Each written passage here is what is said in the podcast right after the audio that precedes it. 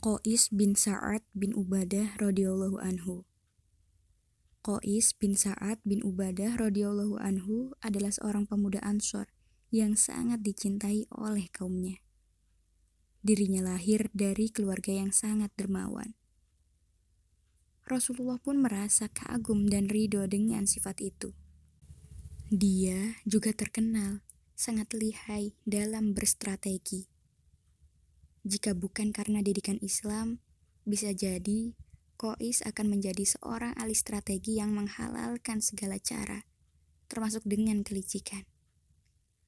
Kalau bukan karena Islam, aku sanggup membuat tipu muslihat yang tidak dapat ditandingi oleh orang Arab mana pun.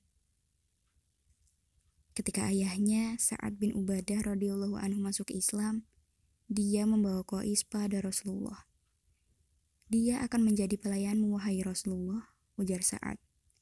Bayangkan, Sa'ad bin Ubadah yang merupakan pimpinan suku Khajraj menyerahkan anaknya untuk menjadi pelayan Rasulullah. Semata-mata karena saat ingin Kois tumbuh dalam didikan Nabawiyah. Berkat didikan Rasulullah, Kois tumbuh makin bersinar. Kecerdasannya sangat terlihat dibalut dengan ketakwaan dan amal ibadah kepada Allah Subhanahu wa taala.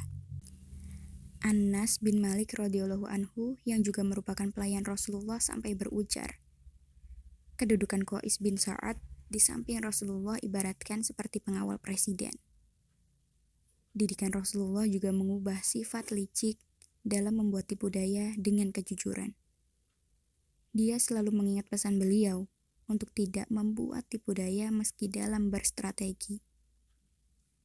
Kalau bukan karena mendengar sabda Rasulullah bahwa tipu daya dan muslihat itu tempatnya neraka, pasti akulah orang yang paling ahli dalam membuat tipu daya dalam umat ini. Wallahu a'lam.